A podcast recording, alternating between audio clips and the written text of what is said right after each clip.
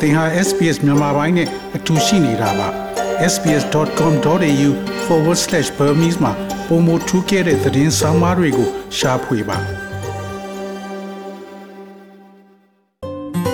SBS မြန်မာပိုင်းကို အင်ကာနဲ့စနေနေ့ည10:00နာရီမှနားဆင်နိုင်တယ်လို့အွန်လိုင်းကနေလည်းအချိန်မီနားဆင်နိုင်ပါပြီ။ ရိုဟင်ဂျာတွေကိုလူမျိုးတုံးတပ်ဖြတ်မှုနဲ့ပတ်သက်ပြီးမြန်မာနိုင်ငံကိုတရားစွဲဆိုထားတဲ့ကိစ္စကို ICJ နိုင်ငံတကာတရားရုံးမှာဖေဖော်ဝါရီလ22ရက်ကစပြီးဒုတိယအကြိမ်ပြန်လည်ကြားနာတော့မှာဖြစ်ပါတယ်။ဒါဟာစစ်တပ်ကအာဏာသိမ်းပြီးတစ်နှစ်ပြည့်ပြီးချိန်မှာပဲပြန်လည်ရင်ဆိုင်ရမယ့်အချိန်ကိုရောက်လာတာပါ။လက်ရှိကာလမှာစစ်ကောင်စီကိုနိုင်ငံတကာမှာတရားစွဲဆိုနိုင်ရေးကြိုးပမ်းနေကြတဲ့အချိန်မို့နိုင်ငံတကာနဲ့ပြည်တွင်းကနိုင်ငံသားတွေအတွက်တော့စိတ်ဝင်စားစရာကောင်းစဉ်တစ်ခုလည်းဖြစ်လို့နေပါတယ်။ တစ်ချိန်တည်းမှာပဲပြည်သူတွေအနေနဲ့နိုင်ငံတကာအရေးယူမှုတွေပေါ်အားကိုးမယုံကြည်ရတဲ့အနေအထားကိုလည်းခန်းစားနေကြရတာပါနိုင်ငံရေးလေလာသုံးသက်သူတို့ကတော့နိုင်ငံတကာအရေးယူမှုတွေဟာနှောင့်နှေးလွန်းတယ်လို့အခုလိုဆိုပါတယ်ခုကုလသမဂ္ဂလုံခြုံရေးကောင်စီကနေစပြီးတော့ ICC ICJ စတဲ့နိုင်ငံတကာအဖွဲ့အစည်းတွေလုပ်ငန်းစဉ်မှာအားနည်းချက်တွေအများကြီးရှိပါတယ်အခုဗမာပြည်မှာစစ်ကောင်စီကနေပြီးတော့ပြည်သူလူထုအပေါ်ကျူးလွန်နေတဲ့ပြစ်မှုတွေ တတ်တာဖြတ်တာဘုံတွေကျဲတာတနတ်နဲ့ပြစ်တာထောင်ချတာစတဲ့ကိစ္စတွေဟာအခုတစ်နှစ်ပြည့်ပါတော့တစ်နှစ်ပြည့်တဲ့အထိဘယ်နိုင်ငံတကာအင်အားစုနဲ့ဘယ်နိုင်ငံတကာအဖွဲ့အစည်းကမှအဲ့ဒီပြဿနာတွေကိုဟန်တာမပေးနိုင်တဲ့အခြေအနေမှာပြည်သူတွေကလဲဆင်းပေးနေရတဲ့အခြေအနေနဲ့ရင်ဆိုင်နေရဘူးအဲ့ဒီအကြောင်းပြောလို့ရှိရင်ကုလသမဂ္ဂကစပြီးတော့ဒီလိုအားနည်းချက်တွေရှိနေတဲ့အောက်မှာဒီနိုင်ငံတကာအရေးယူမှုတွေကိုရှောင်ကွင်းနေနိုင်တဲ့အခြေအနေဖြစ်ပါတယ် 2019ခုနှစ်ကရခိုင်ပြည်နယ်မြောက်ပိုင်းမှာရှိတဲ့ရိုဟင်ဂျာလူမျိုးစုတွေပေါ်စစ်တပ်ကနေမြေရှင်းလင်းနေဆိုပြီးအကြမ်းဖက်တိုက်ခိုက်တာလူမျိုးတုံးတပ်ဖြတ်တာတွေလှုပ်ဆောင်ခဲ့ပါတယ်။ဒါနဲ့ပတ်သက်ပြီးကမ်ဘီယာနိုင်ငံက2019ခုနှစ်မှာတရလူပြုပြီးမြန်မာနိုင်ငံပေါ်တရားစွဲဆိုခဲ့ရမှာလူမျိုးတုံးတုတ်တင်ရှင်းလင်းမှုကျူးလွန်နေဆိုတာ ICJ အနေနဲ့အဆုံးဖြတ်ပေးပြီးကြေညာဖို့ကျူးလွန်သူတွေကိုနိုင်ငံတကာအဆင့်စစ်ဆေးအရေးယူဖို့အပါအဝင် အချက်၅ချက်ပါဝင်ပါတယ်။ အဲ့ဒီအချိန်ကရွေးကောက်ခံကိုယ်စားလှယ်အတိုင်ပင်ခံပုဂ္ဂိုလ်ဒေါအောင်ဆန်းစုကြည်ဟာရှစ်နေအဖွဲ့နဲ့အတူပထမအကြိမ်သွားရောက်ခုခံချေပခဲ့ပါတယ်။ဒီလိုခြေပရမှာစစ်တပ်ကရိုဟင်ဂျာတွေပေါ်စစ်ရာဇဝတ်မှုကျူးလွန်တာတွေရှိကောင်းရှိနိုင်ပေမဲ့ရည်ရွယ်ချက်ရှိရှိလှုပ်ဆောင်တဲ့လူမျိုးတုံးတပ်ဖြတ်မှုမျိုးမဟုတ်ကြောင်းနဲ့ပြည်ရင်းမှာသာတရားစီရင်ပိုင်ခွင့်နဲ့အရေးယူခွင့်ပြုဖို့ခုခံခြေပခဲ့တာပါ။ လက်ရှိအချိန်မှာတော့အဲ့ဒီခြေပခဲ့တဲ့ကနဦးကန့်ကွက်ချက်တွေကိုပြန်ရုပ်သိမ်းကြောင်းဂျားကာလာအမျိုးသားညီညွတ်ရေးအစိုးရ NUG ရဲ့ယာယီသမရဒိုးဝါလရှိလာကပြီးခဲ့တဲ့ရက်ပိုင်းမှာပဲထုတ်ပြန်လိုက်ပါတယ်။ NUG ဘက်ကတော့အခုလိုထုတ်ပြန်တာဟာလက်ရှိမှာနိုင်ငံအာဏာသိမ်းခံထားရတဲ့အခြေအနေမို့ပြည်တွင်းမှာတင်တရားဥပဒေပျောက်ဆုံးနေတဲ့အတွက်နိုင်ငံတကာနဲ့ပူးပေါင်းဆောင်ရွက်ဖို့လှုံ့ဆော်တာဖြစ်တယ်လို့ဆိုထားပါတယ်။ အဲ့ဒီလို NUG အစိုးရက ထုတ်ပြန်လိုက်တာနဲ့ပတ်သက်ပြီး ကြိုးစိုးထောက်ခံမှုတွေလည်း ရှိခဲ့ပါတယ်။လူပောင်တဲ့ဒီမိုကရက်တစ်ပါတီရဲ့ တွဲဘက် အထွေထွေတွင်မှုတော်နှင်းနှင်းမွေကတော့ ဒီဝင်းချာတွေက သူ့ရခိုင်ဒေသမှာ နေရင်းနဲ့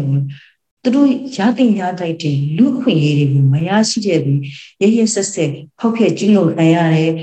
လူမျိုးတုံးတပ်ဖြတ်မှုတွေပါ ခံခဲ့ရပါတယ် အဲ့ဒီတော့ဒီလိုမျိုးကိစ္စတွေကိုကျူးလွန်ခဲ့တဲ့စစ်ရာဇဝမှုတွေကိုကျူးလွန်ခဲ့တဲ့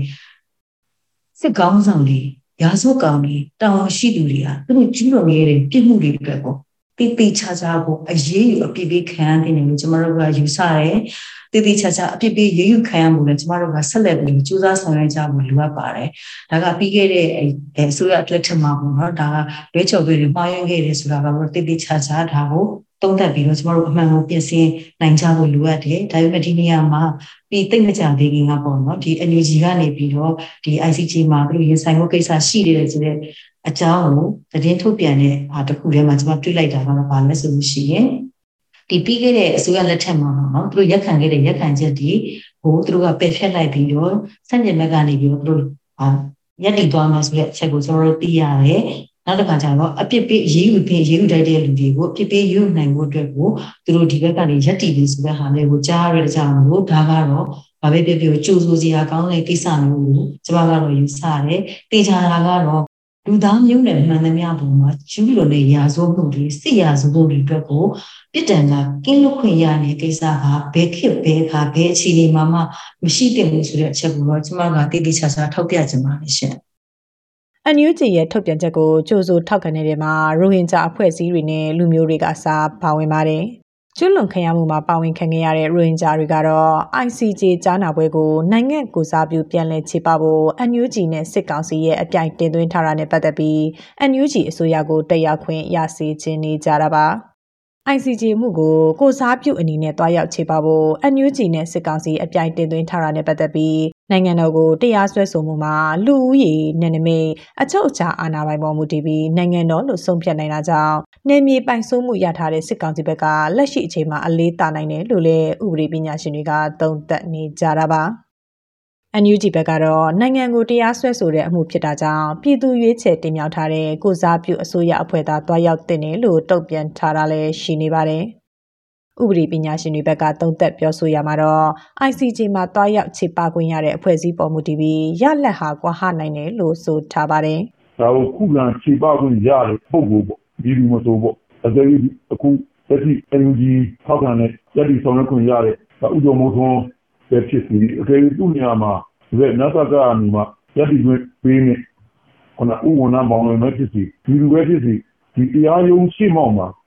ရက်ဒီခွင့်ရတဲ့သူကတော့ တရားရုံးပေါ်မှာရှိနေတဲ့ဒီခုနသူတို့တင်ပြထားတဲ့အချက်တွေကိုဆက်မှန်ပြီးတော့အတည်ပြုလို့လည်းရတယ်အလားတူအဲ့ဒါတွေကျုပ်သိမ်းနေတယ်ရှိပါတယ်ဒီ NCG တရားရုံးရဲ့ရှင်းမောက်မှာပေါ့ဘယ်သူကရက်ဒီခွင့်ရမလဲပေါ့အဲ့ဒီရက်ဒီခွင့်ရတဲ့ပုံမှာပဲမူတည်ပြီးတော့မှဒါအခြေအနေပေါ့ရက်ဒီခွင့်ရတဲ့အပေါ်မှာခုနခုခံခြေပမဲ့ပုံတရံကြီးပေါ့ဥပဒေကြောင်းအရာရောအကြောင်းချင်းအရာရောဒါပုံတရံကြီးပြောင်းလဲသွားနိုင်အဲ့ဒီပုံမှာမူတည်ပြီးတော့မှ NCG ဘက်ကဆုံးဖြတ်မဲ့ ဆုံးဖြတ်ပြီးအမိန့်ကြီးပြင်ချက်တွေရက်လက်တွေကလည်းပြောင်းလဲသွားနိုင်တဲ့အနေအထားဖြစ်ပါတယ်စစ်ကောင်စီရဲ့ဥပဒေချုပ်ဖောက်မှုတွေဟာအာဏာမသိမ်းခင်ကဒီမိုကရေစီအမေရိကန်အစိုးရလက်ထက်မှာတောင်အခုလိုလူမျိုးစုတွေပေါ်တိုင်းရင်းသားမျိုးနွယ်တွေအပေါ်ကျူးလွန်တာတွေရှိခဲ့တာတွေ့နိုင်ပါတယ်။ဒီလိုကျူးလွန်မှုတွေဟာလက်ရှိအာဏာသိမ်းကာလမှာပိုဆိုးဝါးလာတာကိုတပ်သေးတွေနဲ့တကွတွေ့ရတဲ့အထိစစ်ရာဇဝတ်မှုလူမျိုးတုံးတပ်ဖြတ်မှုတွေကိုပြောင်ပြောင်တင်းတင်းချိုးဖောက်နေတာပါ။ ဒီလိုချိုးဖောက်နေတဲ့အဖွဲ့အစည်းအနေနဲ့ ICJ မှာတွားရောက်ခြေပမဲ့အကြောင်းအရာတွေဟာ အလိမ်ညာတွေပဲဖြစ်မှာကို ပြည်သူတွေကတော့ တထစ်ချ တွက်ချက်ထားကြပါတယ်။ဒါဟာလည်း ခေတ်ဆက်ဆက် စစ်အာဏာရှင်တွေအုံချခဲ့တဲ့ ဘာသာရေး လူမျိုးရေးမှိုင်းတွေကို ကျော်လွန်သွားတဲ့ ပြည်သူတွေရဲ့စီးလုံးညီညွတ်မှုဖြစ်တယ်လို့ သုံးသပ်ပြောဆိုတာတွေလည်း ရှိပါတယ်။ ຫນွေဦးတော်လိုင်းရေးကမူဖွားပေးလိုက်တဲ့လူမျိုးရေးဘာသာရေးမခွဲကြပဲကိုချင်းစာစိတ်တွေကစစ်ကောင်စီရဲ့သုံးနေကြနီလန်အတွက်ပြတ်သုံးသွားတဲ့ကြာရှုံးမှုပဲလို့နိုင်ငံရေးအကျဉ်းသားဟောင်းဦးထွန်းကြည်ကအခုလိုပြောပါတယ်အာနာစသိမ့်လိုက်တဲ့ကိုကသူတို့ကနိုင်ငံတော်တစ္ဆာဖောက်ဖျက်ပုံကံမှုကိုသူတို့ကျူးလွန်ခဲ့တယ်လူတွေအဲ့ဒီအရင်တစ်ဆက်ဆက်တဲ့ဘာကျူးလွန်လာလဲဆိုတော့ဟုတ်ပါတော့စစ်ရာဇဝတ်မှုကိုသူတို့ကျူးလွန်တယ်နောက်တစ်ခါလူသားမျိုးနွယ်တွေအပေါ်မှာဆန့်ကျင်တဲ့ရာဇဝတ်မှုတွေကျူးလွန်တယ် နောက်တစ်ချက်ကတော့အဆိုးဆုံးပဲဗျာစကိုင်းမှာကြည့်ပါဗျာနော်ညောင်များစွာဗျာလူအစုလိုက်ပြလိုက်လေသူကတက်ဖြတ်တယ်အဲ့ဒီမှာလဲသူတို့ဟာကျွန်ုပ်ဆိုင်သူတို့မြောက်တယ်ဗျာဆိုတော့ဒီရာဇဝမှုပေါင်းမြောက်များစွာကိုတစ်ချိန်လဲမဟုတ်ဘူးဗျာတစ်ခါလဲမဟုတ်ဘူးဗျာနော်တောင်တန်းဒေသတွေမှာ မြောင်များစွာသူတို့ကျွန်တော်တို့လူမျိုးစုတွေအပေါ်မှာကျွန်တော်တို့ဘာသာဝင်တွေအပေါ်မှာခရိယန်တွေအစ္စလာမ်တွေเนาะလူမျိုးစုတွေအပေါ်မှာသူမြောင်များစွာကျင့်သုံးခဲ့ပြီအခုကြတော့မြေပြန့်မှာလည်းမျက်တွေ့လက်တွေ့အလုတ်လုတ်ပြတဲ့အခါကျတော့အော်ဖက်စစ်စစ်အာဏာရှင်ဆိုတာဒီလိုပါလားဆိုတဲ့စိတ်တွေအသည့်တွေနဲ့ကျွန်တော်တို့မြေပြန့်နဲ့တောက်နှမ်းဆိုတာကဒီလိုပေါင်းစည်းသွားတာအဲ့ဒါလည်းຫນွေဦးတော်လန်ရေးရဲ့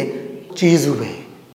ဥပဒေဆိုတဲ့စကားလုံးကိုတွေ့ရင်သုံးပြီးနိုင်ငံတကာမှာရောပြည်တွင်းကပါအာယုံဆက်ရလောက်တဲ့ဥပဒေတွေကိုချုပ်ဖောက်နေတာကတော့အကြမ်းဖက်စစ်ကောင်စီဖြစ်တယ်လို့ပြည်သူတွေက ယုံကြည်ထားပါတယ်။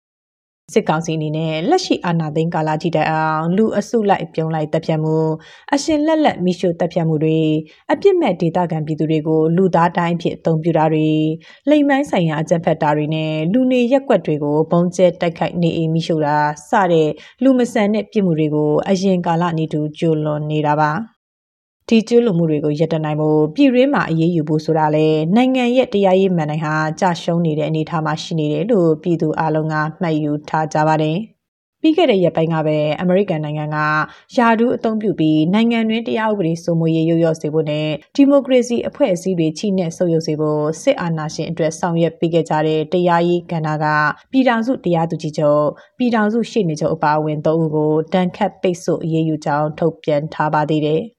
ဒီထက်ပိုတဲ့အရေးယူမှုတွေလှုပ်ဆောင်နိုင်အောင် NUG အနေနဲ့လည်းစစ်ကောင်စီရဲ့ပြည်မှုတွေအတွက် ICC နိုင်ငံတကာရာဇဝတ်မှုခုံရုံးအပါအဝင် နိုင်ငံတကာတရားရုံးတွေကို တိုင်တန်းမှုတွေလှုပ်ဆောင်နေတယ်လို့သိရပါတယ်။ အတိတ်ကရိုဟင်ဂျာလူမျိုးတုံးတပ်ဖြတ်မှုအတွက်ကိုလည်း ICJ နဲ့ပူးပေါင်းဆောင်ရွက်သွားမှာဖြစ်တယ်လို့ NUG ရဲ့နိုင်ငံခြားရေးဝန်ကြီးဒေါက်တာစင်မအောင်က VOA သတင်းဌာနနဲ့အင်တာဗျူးတစ်ခုမှာအခုလိုဆိုပါတယ်ကနဦးအားဖြင့်ကျမတို့ကတော့ဒီ ICJ နဲ့ပူးပေါင်းဆောင်ရွက်သွားမယ်။ဘာဖြစ်လို့လဲဆိုတော့ပြည်တွင်းမှာရှိနေတဲ့တရားရေးစနစ်ကလုံးဝသုံးစားမရလောက်အောင်ကျမတို့အတွက်တရားမျှတမှုကိုဖော်ဆောင်နိုင်လောက်အောင်ကိုလုံးဝမျှော်လင့်လို့မရတော့တဲ့အနေအထားဖြစ်သွားပြီဖြစ်တဲ့အကြောင်းအာဏာသိမ်းမှုကသက်သေပြလိုက်တယ်ပေါ့နော်။ဒါကတစ်ချက်။ဒါကြောင့်မို့လို့ကျမတို့နိုင်ငံတကာတရားရုံးတွေကနေတဆင့်ပဲ ကျမတို့နိုင်ငံအတွက် ကျမတို့ပြည်သူတွေအတွက် တရားမျှတမှုကို ဖော်ဆောင်နိုင်မှာဖြစ်တယ်။ဒါကြောင့်မို့လို့ ICJ နဲ့အတူတူလည်း ကျမတို့က ပူးပေါင်းဆောင်ရွက်သွားမယ်။အရင်ကနဦးဒီလျှောက်လဲချက်တွေထဲမှာပါတဲ့ပေါ့နော်။အခုလက်ရှိအခြေအနေနဲ့ မကိုက်ညီတဲ့အချက်တွေကို ကျမတို့က withdraw လုပ်လိုက်တာဖြစ်ပါတယ်။အဓိကအားဖြင့်တော့ တစ်စုံလုံးကို ရုပ်သိမ်းခဲ့ရတဲ့ အနေအထားဖြစ်ပါတယ်။ဥပမာ ပြည်တွင်းက တရားစီရင်ရေးနဲ့ပဲ သွားမယ်ဆိုတာမျိုးတွေ နောက်ပြီးတဲ့အခါကျတော့ဒီ genocide ဒါလျှောက်လဲချက်တွေပေါ့နော် war crimes genocide ဖြစ်ခဲ့တယ် မဖြစ်ခဲ့ဘူးဆိုတဲ့ အနေအထားမျိုးတွေက ကျမတို့ ဆုံးဖြတ်နိုင်တဲ့ အနေအထားမျိုး မဟုတ်ဘူးပေါ့လေနော် အခုဖြစ်နေတဲ့ အနေအထားတွေကအဲ့တော့ ကျမတို့က ဖြစ်တယ် မဖြစ်ဘူးဆိုတာတဲ့ဒီအချက်လက် ရှာဖွေရေးအဖွဲ့တွေ တရားရုံးက ရှာဖွေတွေ့ရှိချက်တွေအပေါ်မှာ အပြည့်အဝ ပူးပေါင်းဆောင်ရွက်သွားမယ်ဆိုတဲ့ သဘောထားလဲပါဝင်တဲ့အတွက်ကြောင့်မို့လို့ ဒီတစ်စုံလုံးကို ကျမတို့က withdraw လုပ်ခဲ့တာ ဖြစ်ပါတယ် နိုင်ငံတကာခုံရုံးတွေကတစဉ်အကြမ်းဖက်စစ်ကောင်စီကိုအရေးယူဖြုတ်ချနိုင်ဖို့ဆိုတာလုပ်ငန်းစဉ်အစစ်အစစ်ရှိတာကြောင့်အချိန်ကာလကြာမြင့်မှာကိုပြည်သူတွေကမျှော်လင့်ထားပြီးသားပါမဝေးတော့တဲ့အချိန်မှာတင် ICC တရားရုံးမှာခုခံခြေပခွင့်အတွက်စစ်ကောင်စီနဲ့ NUG ဘယ်အဖွဲ့ကိုရွေးချယ်မလဲဆိုတာကို ICJ ကဆုံးဖြတ်တော်မှာလည်းဖြစ်ပါတယ်။ NUG အစိုးရကသာတရားဝင်တက်ရောက်ခြေပခွင့်ရနိုင်ဖို့ပြည်သူအများစုကလိုလားနေကြသလိုစစ်အာဏာရှင်ကိုနိုင်ငံတကာခုံရုံးတွေမှာတရားခံအဖြစ်တွေ့မြင်နိုင်ဖို့ဒီမိုကရေစီလိုလားသူပြည်သူတိုင်းကဆန္ဒရှိနေကြတာပါဒီသတင်းဆောင်မကိုတန်လွင်ခက်ကပေးပို့ထားတာဖြစ်ပါတယ် sbs.com.au/bemis ကို home နေရာမှာထားပြီးတော့အမြဲတမ်းနှာစင်နိုင်ပါတယ်။ နောက်ဆုံးရသတင်းတွေ၊စောင်းမားတွေနဲ့စစ်တမ်းတွေမှာပါဝင်ပြီးတော့ဆက်သွယ်မှုလုပ်နိုင်ပါတယ်။ sbs.com.au/bemis ဖြစ်ပါတယ်ရှင်။